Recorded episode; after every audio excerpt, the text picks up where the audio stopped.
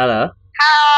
Gak usah basa-basi lagi ya. Uh, ini sebenarnya sih merupakan retake kita, kolaborasi kita di episode kelima di podcast Rantau. Dan kalau saya kalian dengerin, mohon maaf sebelumnya karena bisinya sangat luar biasa itu titek tahun 2019 BTW jadinya bisinya luar biasa jadi ya kita retake tapi tetap aja gua masukin lo ke dalam series yang bernama Kui Jalan-Jalan jadi kalau saya lu nggak tahu nih ya kalau di series gue ini di podcast rantau nih gue membahas tentang daerah masing-masing dari anak-anak rantau dan kebetulan karena kan retake retake-nya jadi so pasti profesional dong. Udah pasti ada update-update perkembangan-perkembangan dong apalagi kan ya seperti di kolaborasi kita sebelumnya bahwa ya lu sebagai putri pariwisata kota Balikpapan dan gua coba mau nguji lu ya ini sebenarnya bukan nguji secara yang kayak harus pada penilaian apa gimana enggak nggak usah jangan usah tegang-tegang banget pas nah uh, coba dong kalau saya lu ini di balik papannya ini di sebelah mana sih Ai? Sebenarnya Balikpapan itu bukan daerah tapi kota. Jadi kita salah satu kota yang ada di Provinsi Kalimantan Timur, tepatnya aku di Balikpapan Selatan. Oh. Tapi kalau di di Balikpapan sendiri ada kabupatennya nggak sih? Ini berdasarkan yang gua nanya aja ya, berdasarkan gua kepo aja. Jadi Balikpapan tadi yang udah mention kita itu adalah kota yang um, di mana di provinsi itu ada 10 kabupaten kota. Nah antara tiga kota yang ada di Kalimantan Timur ya kita kota Balikpapan. Hmm. Tapi kalau di Balikpapan sendiri untuk dikelilingin dari kota sama kabupaten yang tadi lu sebutin itu, itu memakan waktu berapa lama? kelilingin balik papan aja nih maksudnya? Iya, maksudnya dalam artinya kelilingin touring dulu aja deh. Touring kayak buat kayak buat jalan-jalan motor aja gitu loh deh. Sebalik papan kalau anaknya touring ya sehari dua hari lah ya mungkin ya itu dengan udah ada break lah ya. Hmm. Sebenarnya nggak besar-besar banget sih kota kita, cuman um, antara kota yang termaju dan pintu gerbangnya Kalimantan Timur. Tapi kalau saya kayak jalan-jalan biasa kayak mengunjungi destinasi wisata itu kira-kira makan waktu berapa lama? Karena kita di sini base-nya on ecotourism sama kayak agro dan lain-lain. Sebenarnya sih kalau pecinta atau pegiat lingkungan butuh waktu lama ya, karena kita kan lebih ke minat khusus. Misalnya kayak bird watching, tau kan bird watching yang kayak liatin endemik endemik yang jarang bisa dilihat gitu di mana ya di hutan-hutan yang lain kan hmm. nah itu bisa sampai semingguan gitu karena memang nunggu season atau kayak uh, cuacanya seperti apa nggak bisa disamaratain kayak di Bandung gitu karena kan lebih banyak man-made gitu ya di Bandung atau daerah-daerah yang memang buatan gitu sih. Hmm, oke. Okay. Nah, ekspektasi yang sudah lo dapatkan dari rekan-rekan pada interaksi lo di Bandung dan realitanya yang lo jalani sebagai anak daerah Balikpapan bisa dibilang ya, itu apa? Coba dong cerita dong. Realitanya?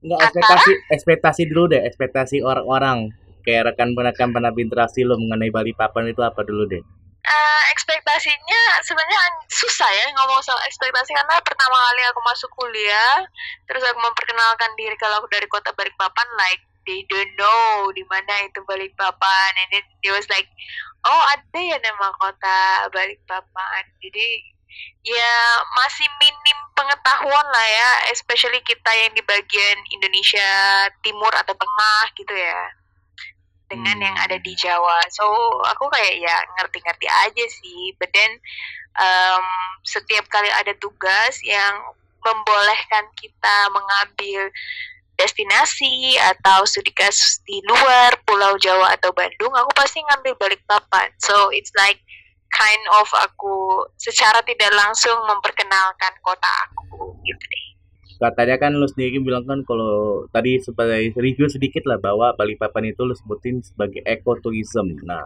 untuk lu sendiri nih, uh, lu udah pernah jalan-jalan ke mana aja sih di Balikpapan? Kalau di Balikpapan, sebenarnya hampir hampir ya belum semua. Cuman hampir um, semua destinasi yang berbau ekoturism udah pernah aku kunjungi. Tapi yang paling um, kena di hati sih ini ya um, mangrove center di Geraha Indah. Itu tuh kayak um, sightseeing penanaman atau um, pohon mangrove ya di pesisiran uh, Balikpapan di teluknya. Soalnya kan uh, mangrove ini dia kan berperan sebagai salah satu tumbuhan yang apa ya um, megang struktur tanah supaya lebih kuat gitu loh. Karena kan kalau ada banjir dan lain-lain dia jadi kayak garda terdepan lah istilahnya hmm. tumbuhan ini. Hmm. Jadi um, iya di apa preserve gitu di kota kita dan um, bisa dibilang kita kota tapi you can find forest in the middle of the city gitu. Jadi kayak konsep kota kita ini uh, nyaman dihuni karena kita ke Balikpapan kota itu dengan mall dan segala macam tapi um, aside from that misalnya kita ke Balikpapan Utara atau ke Balikpapan Barat kita langsung bisa masuk hutan terus um, seru banget lah. Terus ada salah satu lagi destinasi itu kayak hutan lindung Sungai Wine jadi itu um, tempat yang khusus yang tadi aku bilang bisa bird watching atau night safari. Jadi lebih kayak adventurous, um, ecotourism gitu, yang jarang bisa kita dapetin dan um, sayangnya itu jarang dikenal oleh orang-orang uh, di luar pulau kita gitu. Karena target marketnya justru banyak yang um, datangin kita itu dari luar negeri, dari Australia atau researcher gitu. Hmm, oke. Okay. Nah, selama lo jalan-jalan di Balikpapan sendiri, uh, ada nggak sih destinasi wisata yang menurut lo susah akses ke sana itu susah banget loh itu? Aksesnya susah banget sih. Kalau menurut kita sebagai penduduk lokal, iya sebenarnya nggak ada yang susah banget, tapi um, agak sedikit menantang lah ya. Nama juga kita masuk ke ini ya eco. Jadi kita nggak bisa terlalu mengubah struktur um, lingkungan yang ada di sana gitu. Um, kayak misalnya um, kita pengen masuk ke hutan lindung sungai Wine jalan masuk ke dalamnya sih bagus tapi kan pas kita mau masuk untuk ke dalam hutannya pasti kita harus ya sedikit trekking dan lain-lain. Jadi itu kayak ben, e, jarang kayak di Bandung yang jalannya tuh dibikin jalan setapak yang memudahkan untuk trekking. Nah ini kita benar-benar pure gitu. Hmm gitu ya. Oke oke.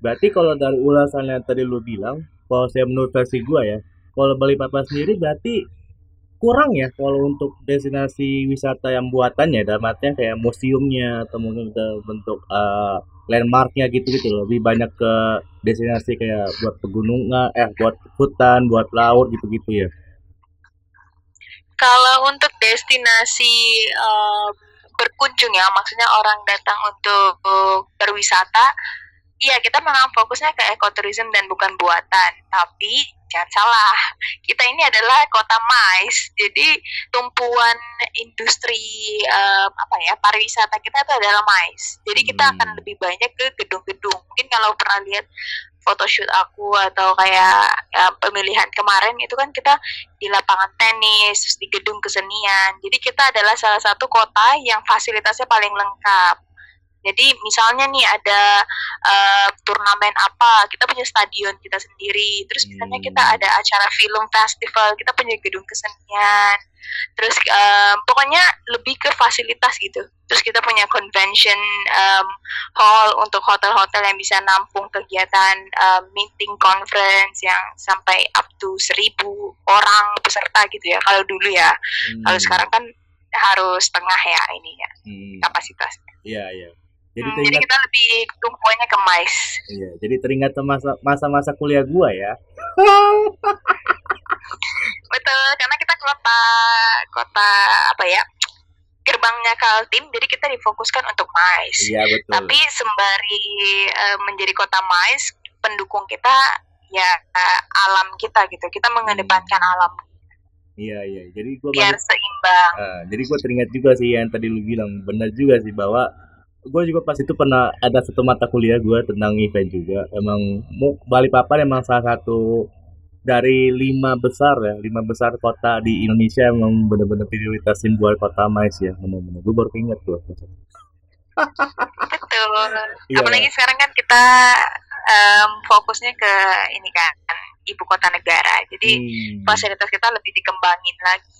Oh iya benar ya bentar lagi ada ibu kota dan ini kalau saya tentang ibu kota sendiri nih kalau dari Balikpapan ke yang ibu kota nanti ini berapa jaraknya berapa kilometernya atau mungkin dari mobil dari AC bisa naik mobil itu berapa lama itu tergantung ya kecepatan uh, menyetir masing-masing oh, orang. Okay. Sebenarnya kita punya dua dua um, jalur sih.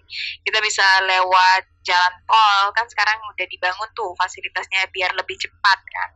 Biasanya kan kalau untuk kota-kota mais yang menghubungkan Balikpapan ke Samarinda misalnya atau ke tempatnya di PPU untuk um, uh, apa namanya ibu kota negaranya kan biasanya butuh cepat ya orang ya. Hmm. maunya yang cepat terus nggak ribet jalannya makanya ada jalan tol. Itu paling um, sekitar 45 menit sampai sejam lah ya. Tapi kalau yang mau melihat um, apa ya jalan yang pure um, jalan kita yang apa bengkok-bengkok naik turun naik turun itu biasanya kita um, dua jaman lah sejam setengah sampai dua jam kalau saya mengenai suhu kultur sama orang-orangnya yang di sana itu kayak gimana sih? Suhu you mean temperature? Iya, temperatur. Uh. Oh, Oke, okay. um, ya di sini karena kita iklimnya apa ya hutan tropis ya, uh, sebenarnya panas tapi panasnya bukan panas kayak Jakarta loh ya, bukan panas karena polusi ya, emang karena panasnya kita di pesisiran pantai, terus kalau menjelang sore ke malam ya kita dingin gitu. Hmm. It's um, ecosystem. Jadi kayak um, panas terus dingin tapi dinginnya bukan dingin kayak Bandung ya maksudnya warm lah hmm. ya bisa rata-rata sih kalau di Bandung bisa sampai 22 nah kalau kita tuh rata-ratanya 26 27 lah ya oh ya lumayan lah itu uh. tapi kalau saya untuk panasnya lumayan, panasnya lah. panas terik berarti ya panas terik matahari dan memang ini apa namanya hawa-hawa dari pantai gitu loh. Hmm. Jadi mirip-mirip kayak Bali, mirip Bali. Berarti suhu paling tinggi berapa tuh? Aku kurang tahu ya kalau suhu paling tinggi, cuman ya bisa sampai 29, 30 kadang. Hmm. Lumayan, lumayan. Tapi kalau kadang sih lebih ya. Oh, Makanya gitu. biasanya sering kebakaran hutan gara-gara emang panas dari matahari gitu. Iya iya iya betul. Tapi kalau saya hujan panas juga nggak sih? Kalau hujan ya nggak panas ya pastinya, cuman kayak warm. Oh, know, oke okay. kembali lagi ya. Iya iya oke. Okay. Iya. Untuk kultur sendiri, eh ya untuk kultur sendiri gimana? Kultur di sini ya sama lah ya, mungkin sama suku gitu ya pengaruhnya. Jadi karena kota kita ini kota yang heterogen jadi kita ini tumpuan um, apa ya maksudnya orang yang merantau dari dulu Balikpapan ini memang dikenal sebagai multi ethnicity jadi um, yang bisa aku bilang sih kalau mau tahu unity in diversity ya kota kita gitu. Karena sukunya itu banyak. Kita nggak punya suku asli yang misalnya Dayak ya emang Dayak itu dari Kalimantan. Cuman kalau Dayak asli banget itu ditemuinya kayak di Samarinda um, agak lebih ke area sana lah. Kalau Balikpapan ini kota industri kan, jadi tumpuannya tuh kayak um, orang Jawa, um, Bugis, Makassar, um, Banjar, terus uh, Batak juga ada, Toraja juga ada, jadi campur gitu. Hmm. Nah, kalau dari diri kamu sendiri ini gimana nih? Hitungannya kamu perantau atau mungkin emang benar-benar anak daerah di situ, anak daerah Balikpapan? Nah, sebenarnya it's a kind of um, apa ya agak sensitif sih untuk membahas hal-hal seperti ini di kota kita. Karena um, kita tidak menyebut orang itu sebagai perantau di kota ini. Karena kan kita memang sifatnya tuh kayak Amrik lah ya. Amrik itu kan membuka nationality untuk semua yang mau menjadi bagian dari bangsanya dia. Nah kota hmm. Balikpapan ini ya sebuah kota yang menjunjung tinggi um, keberagaman gitu. Jadi kita uh, siapa pun yang masuk ke kota Balikpapan dan berkembang di sini kita menyebut dia bagian dari bubuhannya Balikpapan. It's hmm. called bubuhan. Bubuhan itu kita semua teman gitu. Oke, paham. Tapi kalau dari circle kamu ada nggak sih yang benar-benar pure itu dia asli Balikpapan? Ada nggak? Nah, sekali lagi kalau dibilang asli Balikpapan ya nggak ada karena kita eh, memang sejarahnya tuh heterogen gitu. Oh, oke. Okay, kota okay. ini dibangun karena adanya pendatang gitu. Hmm, okay. Kota ini terbentuk karena adanya pendatang karena kan kita ini pusatnya um, penemuan apa minyak mentah dari Pertamina waktu itu sumur Matilda. Hmm. Jadi itu dulu hmm. zaman penjajahannya ya dijajah oleh Belanda dan Jepang gitu kan. Dan pada saat dibentuknya kota ini ya um, suku aslinya itu ya kayak Pasir gitu loh. Terus um, bercampur dengan um, Kutai Kartanegara. Kutai Kartanegara itu kan tetangganya kita kan cuman kan suku Melayu gitu. Makanya kalau adat baju-baju adat kita tuh hampir-hampir mirip cuman um, kalau di Balikpapan itu dimodifikasi jadi kan ada karena yang pernah aku posting di Instagram aku soal yang baju warna hitam hmm. keemas-emasan. Hmm. Nah itu baju adat kita um, Melayu ya, kita lebih ke agak ke Melayuan karena kan Kutai Kartanegara. Dan hmm. di bawah um, baju kita itu baru digabungkan dengan um, endemiknya kita di balik papan itu kayak jahe merah, terus kayak anggrek hitam. Nah itu yang kita padu padankan. So ya kita um, the real apa ya definition of unity in diversity lah. Hmm. Terus kita punya julukan um, Indonesia Mini. Balikpapan is an Indonesia Mini katanya. Hmm. Soalnya semuanya ada.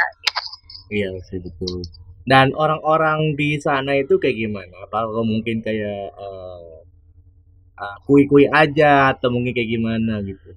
Orang di sini um, apa ya karena udah terbiasa dengan keberagaman jadi mereka nggak terlalu mempermasalahkan ini sih maksudnya ke soal suku bangsa dan bahasa gitu. Ya emang bahasa ini kita ya bahasa Indonesia ya karena kita kan nggak punya yang benar-benar pakem gitu Jawa bahasa Jawa gitu nggak.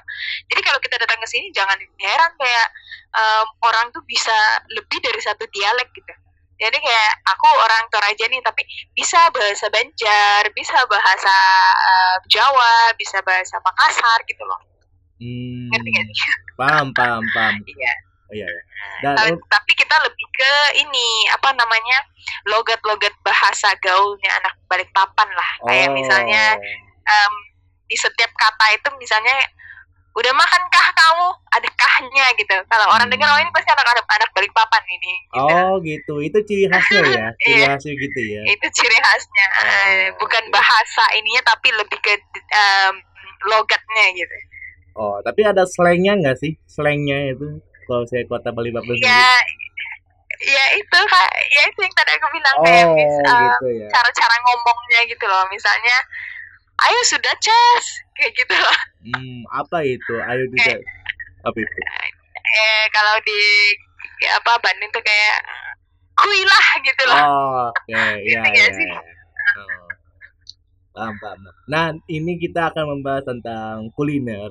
Gue lebih penasaran sih, kalau untuk makanan sama minuman di sana yang asli Balikpapan itu apa aja sih, Ai? Nah, untuk makanan dan minuman di Balikpapan sekali lagi itu adalah perpaduan antara suku yang ada di sini maka terbentuklah kuliner itu.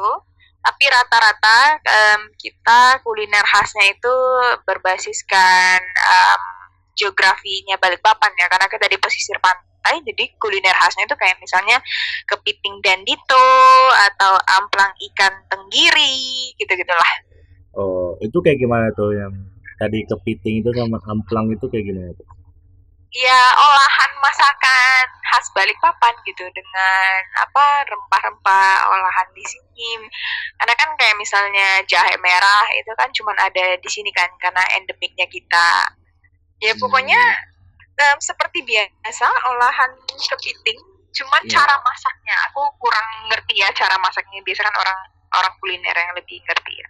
Hmm. Tapi ya itu ciri khas kita lah untuk kuliner Nah, sebenarnya masih em, ini sih masih banyak lagi yang hmm, em, sedang kita garap buat kuliner di Balikpapan karena em, kita industri lebih ke kota industri yang fokusnya kayak ke minyak pertambangan makanya kan banyak yang datang kerja ke sini kan mm-mm. That's why kayak bidang pariwisata atau bidang kuliner itu masih agak PR buat kita kerjain bareng-bareng sih di sini. Hmm, iya sih betul juga ya. Soalnya kalau saya menurut gua ya dan rekan-rekan pentasi gua ya, benar tadi lu bilang stigma gua mengenai Balikpapan salah satunya ya rata-rata orang perantau dia emang tujuan utamanya sih justru buat bekerja bukannya buat kayak ah, buat jalan-jalan atau mungkin kayak gimana gitu ya benar juga sih ya. Betul, betul. Tapi kalau saya yang kak lihat kamu sendiri ya, yang sepenilaian kamu untuk makanan sendiri, itu tesnya gimana? Apa manis atau pedas atau gimana gitu? Campur. Oh I cannot campur. say like Iya, aku nggak bisa bilang kayak di Sumatera tuh makanannya pedes semua gitu. Memang suka pedes. Nggak bisa. Kita di sini tuh nggak bisa karena kita tuh em, banyak ininya sukunya. Jadi Hmm. Kayak Bandung lah ya. Kamu makan apa pun ada gitu. Dan di sini kamu makan apa pun ada gitu. Oh gitu ya, iya ya betul. Iya. Tapi kalau untuk minuman sendiri ada nggak sih yang khasnya? minuman khasnya di sini ya paling itu ya kayak tadi yang aku bilang em, minuman untuk apa ya tubuh lah ya untuk khasiat tubuh jadi olahan em, tumbuh-tumbuhan like tadi tuh salah satu yang paling bagus itu jahe merah itulah pokoknya kalau ada em, event-event di hotel biasanya disuguhkan dengan minuman khas tradisionalnya kita jadi kita lebih mengangkat ini sumber daya alam yang memang kita punya gitu. Hmm, udah kayak Korea Selatan ya. Rata-rata di sana ginseng Ya. mulu, di di, Balikpapan jahe merah ya. Oke. yes begitulah kita begitu juga soalnya. Tapi kita juga punya boba kali di sini. Enggak enggak. mean, kan itu kan franchise. Iya, itu kan iya. franchise. I know, I know, ya I know. udah sih. gue nggak bilang kota Balikpapan merupakan kota yang ter- tertinggal ya gue nggak bilang gitu loh gue nggak bilang gitu loh Ya enggak maksud, maksudnya buat yang mendengar yang mendengar podcast ini nanti dikira kita nggak punya lagi minuman kayak gitu kita punya kan biasa kalau orang oh jadi di sana kalau gue datang cuma minum, minum jahe ya? Enggak ya enggak kayak gitu loh ya. Oh gitu ya Eh. kalau saya gue bilang tertinggal lagi di sana ada mall nggak gitu aja?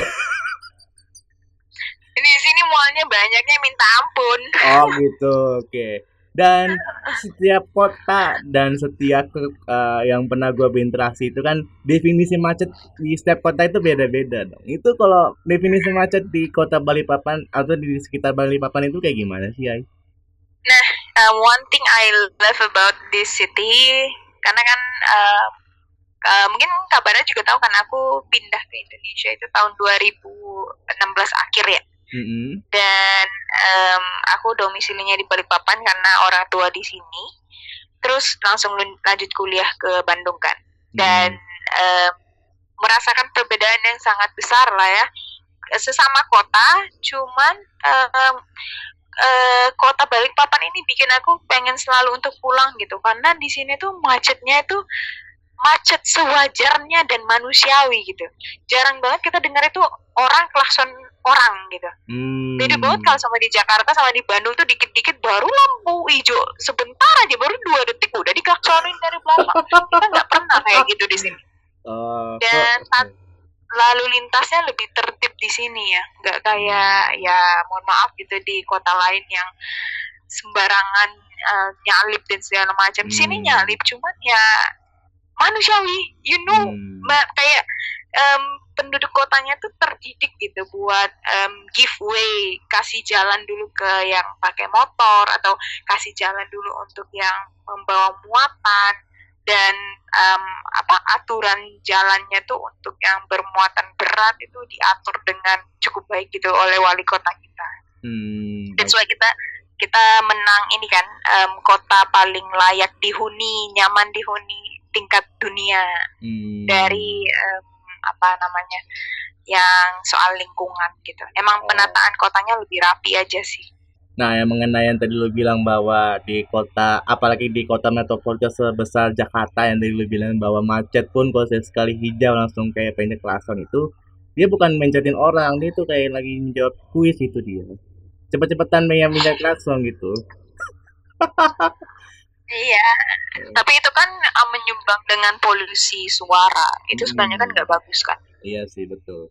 Dan eh, untuk pertanyaan terakhir lah sebagai kolaborasi kita pada kali ini, di sana ada minuman non halal nggak sih ya? Dan kalau saya ada apa itu?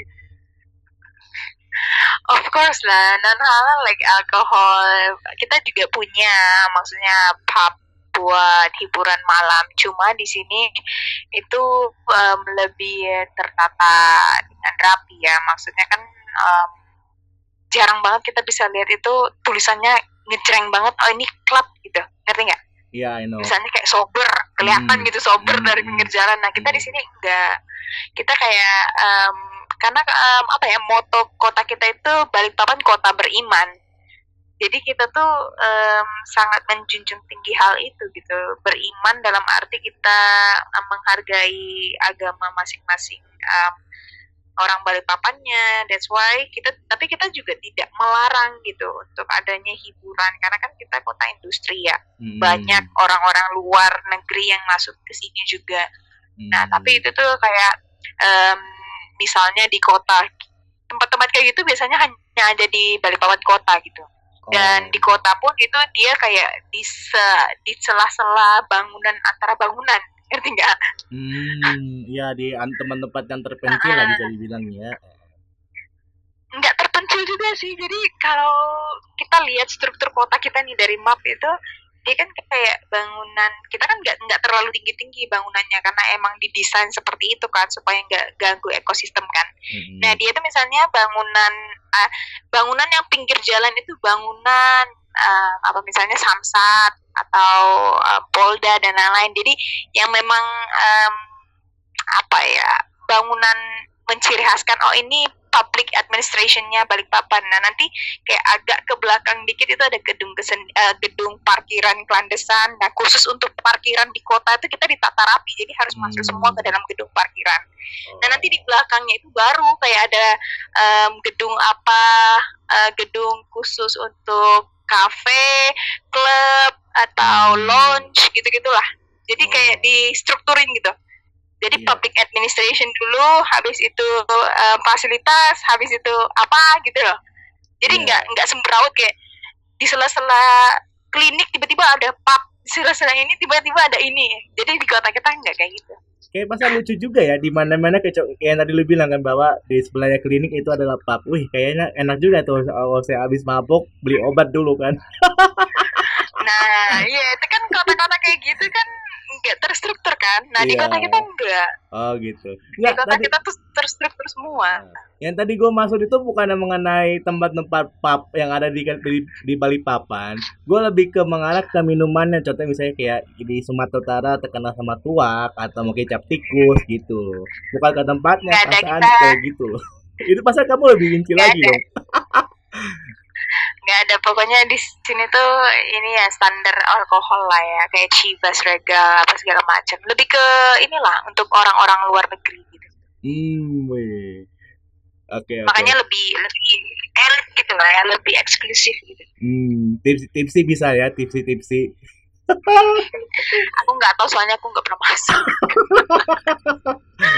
Enggak, siapa tahu kan Cuman karena kalau buat eh, kayak mencari experience aja gitu lah kayak cuman buat masuk kayak men, me- kayak oh ternyata suasananya begini loh nggak minum cuman kayak kepo aja gitu loh nggak pernah nggak pernah juga sih soalnya kalau pulang ke sini tuh kayak bener-bener istirahat kan. Oh, oke baru tahun baru tahun ini juga kan aku lebih lama di sini biasa juga cuman Christmas celebration terus Iya. sebulan dua bulan langsung pulang lagi kan ke Bandung iya I know I know soalnya tadi yang lu sempat menying eh, apa tuh yang tadi lu kata-kata lu tadi kan itu udah lu pernah utarain di episode kelima emang lu kategorinya emang follow balik itu karena pas ada perayaan khusus kayak Christmas gitu loh. Oke, thank you ya Ai. Akhirnya akhirnya sudah bisa reschedule ya, sudah bisa reschedule dari kapan tahu. Akhirnya bisa nge-retake lagi. Bayangin aja ini tahun dari tahun 2019 ya. iya 2019 dan akhirnya lu punya waktu lagi dan takutnya ngeganggu lagi aktivitas lu. Oke deh. Uh, thank you atas waktunya. Sorry banget ganggu waktu lo. Iya, thank you juga ya kak. Hmm, Oke, okay. Uh, sukses terus dan terima kasih atas perhatian anda dan sampai jumpa. Salam. Dadah.